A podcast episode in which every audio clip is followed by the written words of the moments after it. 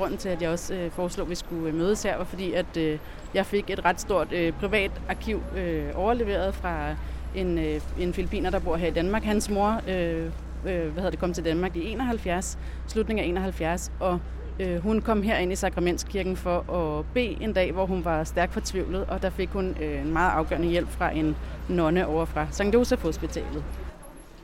Stedet det er Nørrebro, og journalisten og historikeren, der her taler, det er Nina Trie Andersen.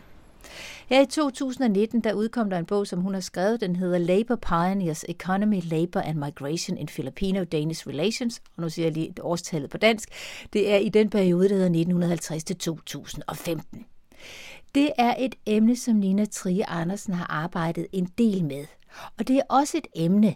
Den her øh, arbejdskraft, der kommer fra Filippinerne til Danmark, og faktisk sætter nogle ret store fodspor rundt omkring, ikke bare på arbejdsmarkedet, men faktisk også i fagbevægelsen.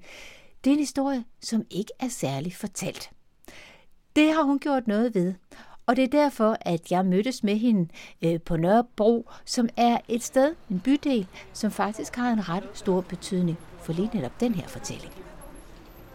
Jamen, min bog handler jo om øh, filippinsk arbejdsmigration til Danmark, og der har Nørrebro været et øh, væsentligt sted, især i starten, i 60'erne og 70'erne.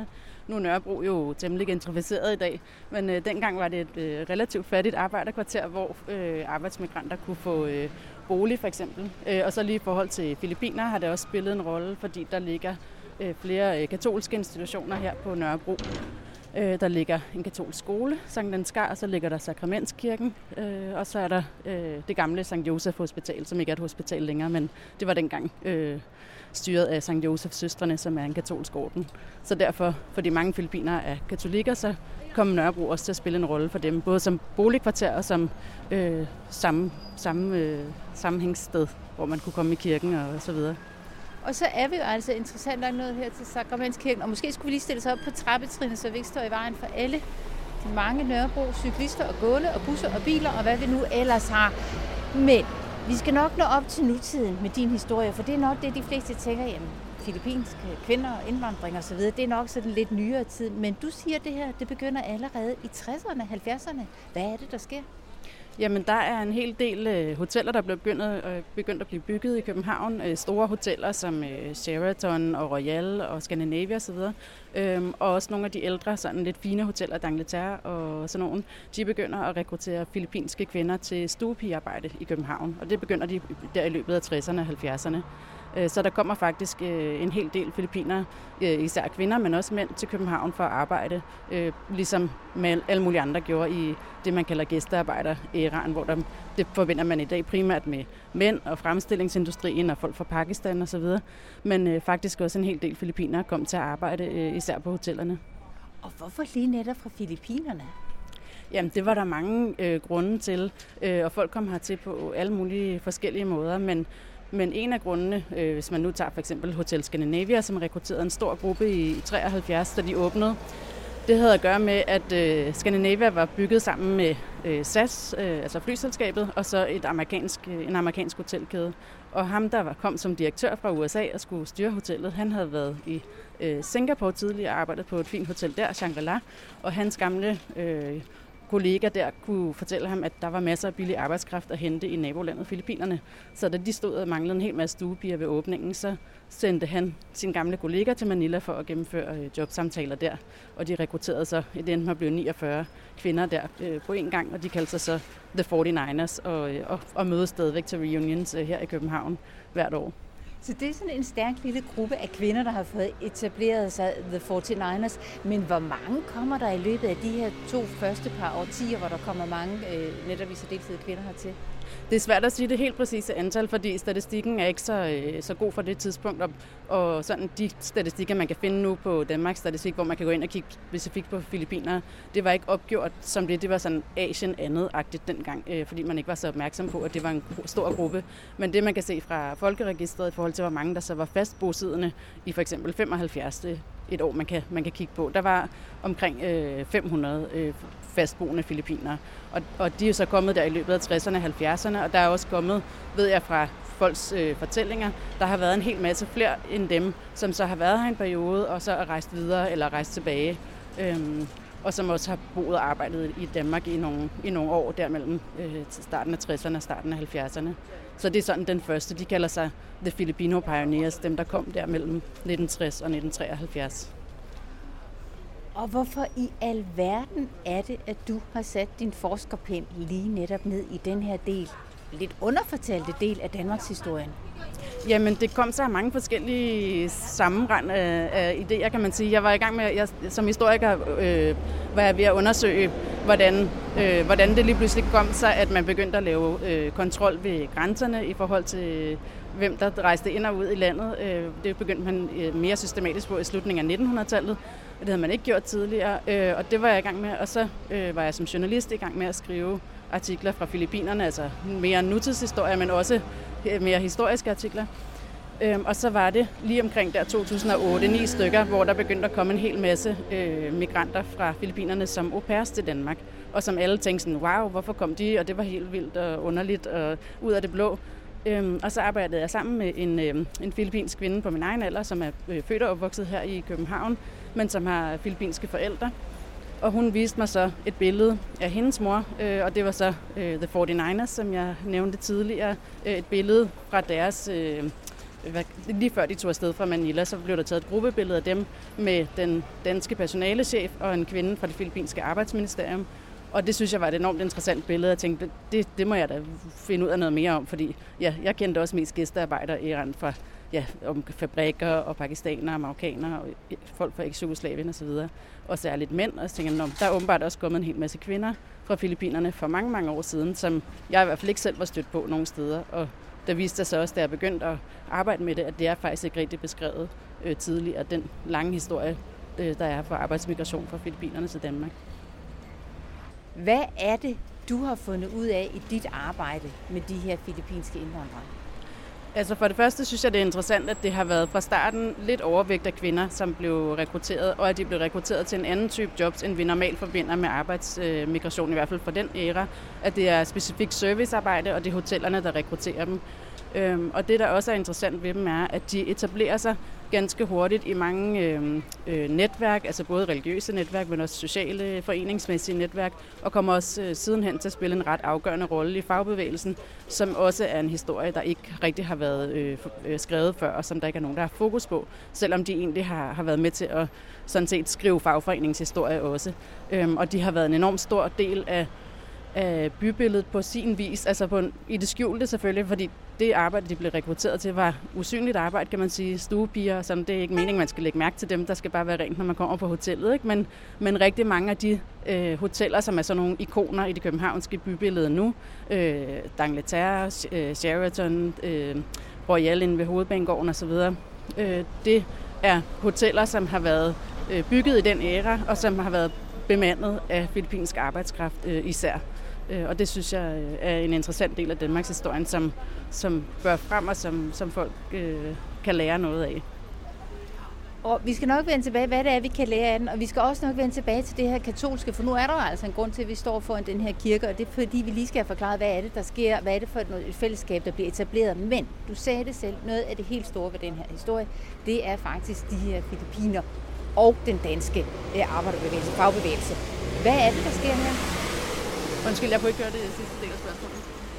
Det er de her øh, filipiner og den danske fagbevægelse. Hvad er det egentlig, der sker her? Altså, øh, det som der er mange, der ikke øh, ved i dag, det er, at rigtig mange af de folk, der kom som gæstearbejdere, som man kaldte det dengang, de blev faktisk medlem af fagforeningerne nærmest med det samme. Øh, nogle troede, at man skulle være medlem, og andre blev det, fordi deres kollegaer anbefalede det osv. Øh, så de kom faktisk til at at, at fylde meget på, på, på medlemslisterne. Ikke? Og man kan sige, øh, inden for hotel og restauration, der var det sådan, at i Københavnsafdelingen af den øh, fagforening, der var det allerede fra starten af 70'erne næsten halvdelen af medlemmerne, som ikke var født i Danmark. Øhm, og det var noget, som den danske fagbevægelse havde vanskeligt ved at forholde sig til, og det tog lang tid, før de ligesom fik gjort noget ved det andet end at melde folk ind på papiret. Alting foregik på dansk, medlemsblad, møder osv og man talte om de der gæstearbejdere, og man talte ikke om med dem som fag, øh, fagforeningskollegaer og kollegaer på arbejdspladsen. Det, øh, som øh, som de filippinske kvinder gjorde, var, at de var faktisk fra starten øh, forsøgte at være aktive i deres øh, fagforening. Øh, der var en del, der også var med til lokale konflikter på hotellerne i 70'erne, og der var filippinere med, da der var nationale øh, strejke inden for hotel og restauration i 78. Øh, men først fra i løbet af 80'erne begyndte den her fagforening, øh, på grund af en kamp om magten i, hvem der ligesom skulle have ledelsen i fagforeningen, der kom en ny gruppe til magten i den fagforening, som havde blik for, at man havde en hel masse medlemmer og potentielle medlemmer, som ikke nødvendigvis skulle tale dansk, men som man kunne gøre fagforeningen stærkere ved, hvis man faktisk fik integreret dem. Og samtidig var der nogle filippinske stuepiger rundt omkring på de københavnske hoteller, som begyndte at indsamle dokumentation for de øh, uretfærdigheder, som de blev udsat for. Øh, der var mange ting, der var fine nok, når man kiggede på kontrakten, men når man så kiggede på lønsedlerne, så kunne det være, at overarbejdet var forsvundet, og der var alle mulige ting, som øh, ikke var lige helt, som det skulle være. Og der var mange arbejdsgiver, der tænkte, at det kunne man slippe lidt nemt om, hvis man rekrutterede folk, der ikke lige kunne sproget og kom fra et andet, et andet land, så kunne man slippe afsted med at betale den dårligere. Og de begyndte så også lokalt at organisere sig og indsamle dokumentation for de øh, ting, der skete. Og i løbet af 90'erne kom filippinske stuepiger til at øh, gå i front på en hel masse arbejdskampe på nogle af de centrale hoteller i København. Øh, og var med til også at få fagbevægelsen til at anlægge en helt ny strategi i forhold til, øh, til migranter øh, som medlemmer, at de kunne også være tillidsrepræsentanter, og de kunne også gå i øh, front for faglige kampe osv. Så den her i grunden ret usynlige arbejdsmasse, som man stort set ikke ser der på hotellerne, de er i bund og grund hammerne stærke sammen. Det med at være sammen, er det et samhold, der bliver etableret blandt andet herinde bag den her låste kirkedør, som gør, at vi kan gå ind i den katolske kirke, fordi de mødes blandt andet i det her kirkelige miljø? Ja, altså fordi i 60'erne og 70'erne, i dag er der jo mange, der tænker, at Danmark det er sådan et sted, alle godt kunne tænke sig at tage hen. Ikke? Men stadig i dag er Danmark jo et sted, som ikke er på verdenskortet rigtig mange steder øh, i verden. Og det var slet ikke på verdenskortet for filipiner på det tidspunkt. Danmark, øh, der, tal, der var næsten ingen, der talte engelsk. Øh, de fleste filipiner taler engelsk øh, som deres andet sprog. Og de vil sådan set øh, gerne til for eksempel USA eller Kanada arbejde og, og bruge deres uddannelse der. Men havnet af forskellige øh, omveje og tilfældigheder og omstændigheder i Danmark, nogle af dem øh, som var et fuldstændig fremmed øh, miljø. Øh, hvad hedder det? Arbejdsmarkedet var anderledes. Øh, de kunne ikke forstå, hvad folk sagde, og de kunne ikke, folk her kunne ikke forstå, hvad de sagde. Og derfor blev det ret vigtigt at etablere nogle netværk, hvor man kunne hjælpe hinanden til alt muligt mellem himmel og jord. Altså det kunne både være ting, der foregik på arbejdspladsen, det kunne også være, hvordan får man øh, nyheder fra, sin, fra øh, der, hvor man kommer fra. Det var jo længe før internettet, det her osv. Øh, hvordan finder man en bolig? Hvordan laver man en tandlægeaftale? Alle de der ting, som man har brug for, når man kommer til en fuldstændig anden kontekst. Så det, øh, de etablerede nogle, øh, nogle netværk, som blandt andet var nogle af præsterne i de katolske kirker, øh, blandt dem, der ligesom åbnede armene med det samme og sagde, kom og brug kirken og, som socialrum og religiøst rum, fordi øh, nu er Danmark jo også et lutheransk øh, domineret land, så de katolske kirker var ikke særlig store, øh, og de var glade for at få øh, forstærkning, eller hvad man skal sige, ikke? Øh, få en øh, større menighed. Så Sakramentskirken her på Nørrebro, øh, Jesu Hjertekirke ude på Vesterbro og Sankt Anne Kirke ude på Amager blev nogle af samlingspunkterne for, for pionergenerationen, øh, så hvor man både kunne ja, øh, dyrke sin religion, hvis man nu var religiøs, eller man kunne møde øh, folk fra, øh, fra hjemlandet, og man kunne møde kontakter og ja, bare have et sted at være. Fordi mange boede jo også, blandt andet her på Nørrebro, i temmelig trange lejligheder. Der, der boede man mange øh, på få kvadratmeter, og, og, øh, og man havde også brug for at kunne være andre steder end lige på arbejdspladsen og i de der bitte små skide lejligheder, som var på det tidspunkt. Se Nina, nu sagde du lige før noget, der gjorde stort indtryk på mig, fordi jeg var lige var nødt til at vente en gang. Du sagde det her med, at fagforeningerne, de talte om de her filippinske kvinder, men de talte ikke med dem. Det kan vi jo så sige, det er også lidt situationen lige nu her. Jeg står og taler med dig om nogen, ja. som ikke er her. Ja. For lige at komme ud af den her lidt øh, underlige situation, så har du rent faktisk talt med rigtig mange af de her filippinske kvinder. Ja. Og som deres, skal vi sige nu, repræsentant i dag, hvad siger de til det, når du banker på døren og siger, jeg synes, at det her det er hammerende vigtigt og interessant, det skal jeg fortælle? Øh, altså Filippiner er jo ligesom alle andre meget forskellige mennesker. Nogle har ikke lyst til at fortælle om deres liv, og andre har haft enormt meget lyst til at fortælle om deres liv, og synes også selv, at de har spillet en rolle i historien, som der ikke er nogen, der har lagt mærke til. For eksempel den gruppe, der hed The 49ers, eller kaldte sig The 49ers, synes selv, at de var, at de var ret cool, og de synes, det var fedt at få skrevet deres historie. Øhm, og øhm, lige i forhold til Sakramentskirken, grunden til, at jeg også øh, foreslog, at vi skulle øh, mødes her, var fordi, at øh, jeg fik et ret stort øh, privat arkiv øh, overleveret fra en, øh, en filipiner, der bor her i Danmark. Hans mor øh, øh, hvad hedder det, kom til Danmark i 71, slutningen af 71, og øh, hun kom her ind i Sakramentskirken for at bede en dag, hvor hun var stærkt fortvivlet, og der fik hun øh, en meget afgørende hjælp fra en nonne over fra St. Josef Hospitalet øh, som er en historie, som, øh, som jeg også skulle fortælle lidt mere om, hvis det var. Øh, men øh, det, som man kan sige, det, som er det vanskeligste ved at få folk til at fortælle deres historie, når de har fået at vide igennem et helt liv, at de ikke er betydningsfulde, og at øh, der ikke er nogen, der ligesom synes, at de hører til nogen steder, hverken i Filippinernes historie, fordi der var de jo så ikke, de var jo taget her til Danmark, og heller ikke i Danmarks historien, fordi der øh, blev de skrevet ud af fagforeningshistorien, øh, eller de blev kun omtalt som sådan, øh, det var svært, at de ikke kunne tale dansk, og nogle af dem var illegale, og alle de der ting, som, som en dansk fagforening nu kan finde på at sige. Øh, når man har fået at vide det hele sit liv, og man ikke rigtig spiller nogen rolle, så ved man måske ikke lige, hvad man skal fortælle, når nogen kommer og siger, fortæl mig om dit arbejdsliv, fortæl mig om dit liv. Øh, men når man så øh, bruger lang nok tid sammen med folk, øh, så er der jo masser af ting at fortælle fra et liv, og især fra et liv, som er blevet levet på tværs af, af hele kloden. Nina Trier Andersen, inden vi nu forlader hinanden her på Nørrebrogade, så skal jeg lige have dig til at vende tilbage til en af de ting, du nævnte lidt tidligere, nemlig det her med, at vi kan også godt lære noget af den her historie. Hvad er det, vi kan lære? Men det, man blandt andet kan lære, det er, at arbejdsmigration er for det første noget, der trækker mange år tilbage. Det er ikke bare noget med, at så kommer der en masse mennesker væltende helt tilfældigt til Danmark, fordi de synes, at har så alle tiders. Det har også at gøre øh, med øh, globale økonomiske øh, strukturer og med relationer mellem stater osv. Øh, den danske stat var faktisk øh, relativt interesseret i, i Filippinerne på det tidspunkt, øh, hvor øh, Filippiner begyndte at rejse til Danmark for at arbejde. Ikke kun var der arbejdsgiver fra Danmark, der specifikt rekrutterede Filippinerne, men der var også øh, fra et statsligt side en interesse i at øge den øh, øge repræsentationen i Filippinerne, så man kunne komme ind på det filippinske marked og tjene nogle penge der. Det, som jo var sagen med Filippinerne på det tidspunkt, som mange har måske glemt i dag, var, at det var under Marcos-regimet, øh, øh, Ferdinand og Imelda Marcos. Nogle kender måske Imelda fra alle hendes tusind sko. Øh, men det blev øh, i løbet af, af fra starten af 70'erne begyndt at blive stadig et mere repressivt øh, regime, øh, og der var nogle store protester i starten af 70'erne, folkelige protester mod øh, den måde, Marcos øh, styrede landet på, som øh, ikke bekymrede nogen her i Danmark. Øh, de tænkte, det var altid, hvis de kunne få lidt orden i sagerne der øh, i de varme lande. Men øh, det bekymrede selvfølgelig øh, almindelige filipinere, som boede i øh, Filippinerne og skulle øh, leve under det regime. Øh, Miss øh, Robles, øh, som kom her til Sakramentskirken for at bede en dag i foråret for ja, 47 år siden. Øh, hun var faktisk taget til Danmark øh, ved hjælp af en kontakt her. Hun kendte en, der allerede arbejdede på et hotel her i Danmark. Hun var selv øh, farmaceut og havde et apotek i Manila. Men hun var villig til at tage nærmest hvad som helst øh, form for arbejde for at få sin familie ud af Manila.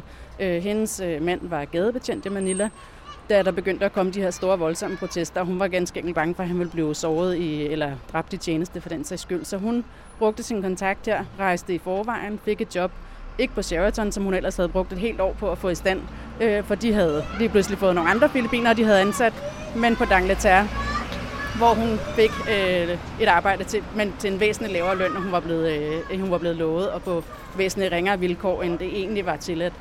Så ville hun jo så gerne have sin mand hertil det var ikke så nemt øh, at få ham hertil, så hun øh, tog, øh, tog, hun havde forsøgt at få arbejdstilladelse til ham. Hun fik afslag, hun var meget fortvivlet og tog til Sakramentskirken for at bede og ligesom Øh, hun vidste ikke, hvem hun ellers skulle spørge om hjælp, så hun måtte spørge sin Gud om hjælp. Og der mødte hun så en, øh, en søster fra St. Josef-ordenen, som hun kendte, som hun var blevet introduceret til en anden veninde, fordi at St. Josef-søstrene jo havde et hospital, og eftersom Miss Robles havde farmaceutuddannelse, kunne de måske bruge hende.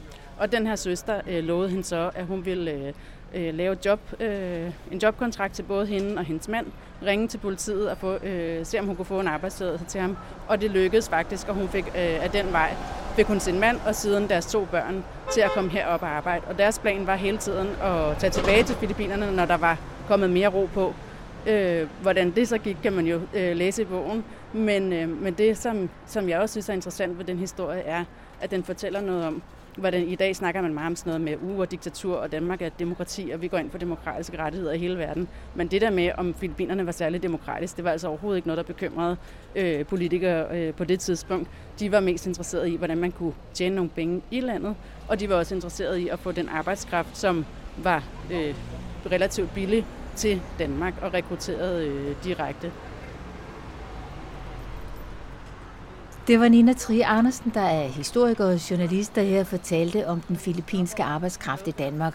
Og det gjorde hun altså blandt andet, fordi hun er aktuel med en bog, der har titlen Labor Pioneers, Economy, Labor and Migration in Filipino-Danish Relations, 1950 til 2015. Det kunne man også godt have sagt på engelsk, men nu får du altså lige årstallene her på dansk. Og tidligere, skal jeg lige sige, har hun faktisk også udgivet en bog på dansk om samme emne. Den hedder nemlig Profession Filippiner. Kvinder på arbejde i Danmark gennem fire årtier. Jeg hedder Dorte Chakravarti, og hen over efteråret her vil der komme flere nye podcast fra min side. Tusind tak, fordi du er med nu, og jeg håber, du har lyst til at være med igen næste gang.